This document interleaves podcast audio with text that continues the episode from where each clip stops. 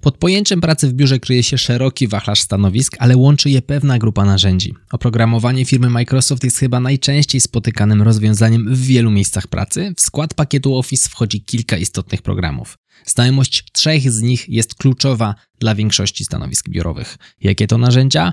Właśnie o tym porozmawiamy w dzisiejszym odcinku podcastu. Nazywam się Michał Kowalczyk i serdecznie Cię w nim witam.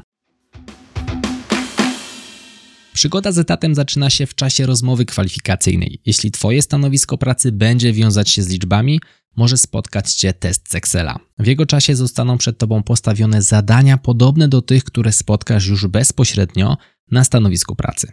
Z dużym prawdopodobieństwem zapytają Cię o filtrowanie, prostą funkcję logiczną jeżeli, ćwiczenie z funkcją wyszukiwania, być może będzie to popularne wyszukaj pionowo, lub coraz częściej spotykane X wyszukaj. Często zdarza się, że zostanie przed Tobą postawiony zestaw zadań do analizy przy pomocy tabeli przestawnej oraz zostaniesz poproszony o zwizualizowanie tej analizy na wykresie. To naprawdę przekrojowy test, który spotkasz na bardzo wielu stanowiskach pracy. Ok, udało się, przyjęli Cię. O tym, ile czasu możesz zaoszczędzić dzięki dobrej znajomości Excela, wspomniałem już w podcaście niejednokrotnie, więc na razie odparkujmy ten temat. Jedno narzędzie znasz, pora przyjrzeć się kolejnemu. Praca w międzynarodowej organizacji wiąże się z pewną liczbą spotkań, czy to międzydziałowych, czy to zespołowych. Być może w Twoje ręce trafi odpowiedzialność za prowadzenie jakiegoś procesu albo nawet całego projektu. Może przełożony poprosi Cię o przedstawienie podsumowania tygodnia na następnym team meetingu. W każdym z tych przypadków warto zaprzyjaźnić się lepiej z programem PowerPoint, dość znanym narzędziem do tworzenia prezentacji.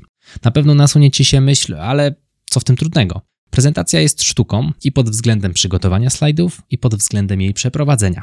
Na pokazanie technicznych możliwości PowerPointa przyjdzie jeszcze czas, na teraz zapamiętaj złotą zasadę. Jeśli na slajdach jest wszystko, co mówisz, nie jesteś potrzebny w czasie trwania tej prezentacji. Slajd powinien przypominać raczej billboard niż kartkę wyrwaną z książki zapisaną do ostatniego wolnego miejsca. Mam w planie przygotować kurs, w którym wyjaśnię Ci techniczne działanie PowerPointa, ale i nauczę Cię, jak nieco poprawić Twój warsztat prezentacyjny. Poznałeś już nazwy dwóch narzędzi, które warto znać do pracy w biurze. Oto trzecie, o które rzadziej będą Cię pytać na rozmowie o pracę, ale w mojej ocenie to błąd, bo spędzisz w nim na pewno przynajmniej kilka godzin tygodniowo. Mam tutaj na myśli Twoją skrzynkę mailową. Nikt nigdy nie uczy nas, jakie możliwości daje skuteczna obsługa poczty. Często toniemy w setkach nowych wiadomości dziennie. Zdarza nam się przegapić te ważne, bo czytaliśmy te, w których byliśmy dodani ledwie do wiadomości. Czujemy ciągłą presję zaglądania na skrzynkę, co wyciąga nas z pracy w skupieniu, nie mówiąc już o murowanych kilku dniach odkopywania się z maili po urlopie. Pamiętaj o kilku zasadach. Stwórz w skrzynce reguły, które wyfiltrują ci newslettery do osobnego folderu. Pozbądź się też wszystkich wiadomości, gdzie jesteś do wiadomości. Włącz widok konwersacji, użyj formatowania warunkowego na maile od szefa i te tylko do ciebie. To sprawi, że w skrzynce będziesz mieć jasno podświetlone wiadomości, które na pewno wymagają Twojej uwagi. Traktuj skrzynkę odbiorczą, jakby była fizyczną skrzynką przed Twoim domem albo na klatce.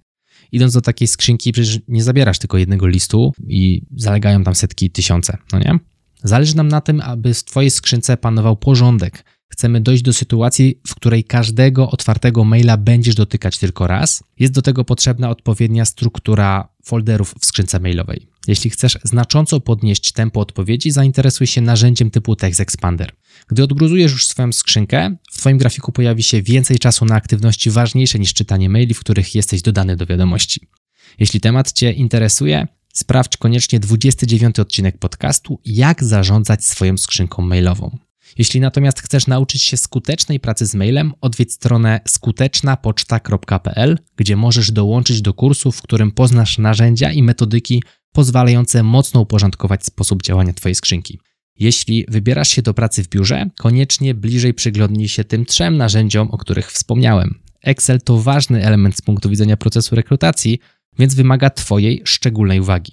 O ile Outlook i PowerPoint nie będą stanowiły bariery wejścia na rozmowach kwalifikacyjnych, o tyle mogą Ci zaoszczędzić dziesiątki godzin pracy, tony wstydu na spotkaniach i masy nerwów w rozmowach z przełożonym Ci klientami. To był Excellent Work Podcast. Mówił dla Ciebie Michał Kowalczyk. Do zobaczenia i do usłyszenia w kolejnym odcinku. Trzymaj się, hej!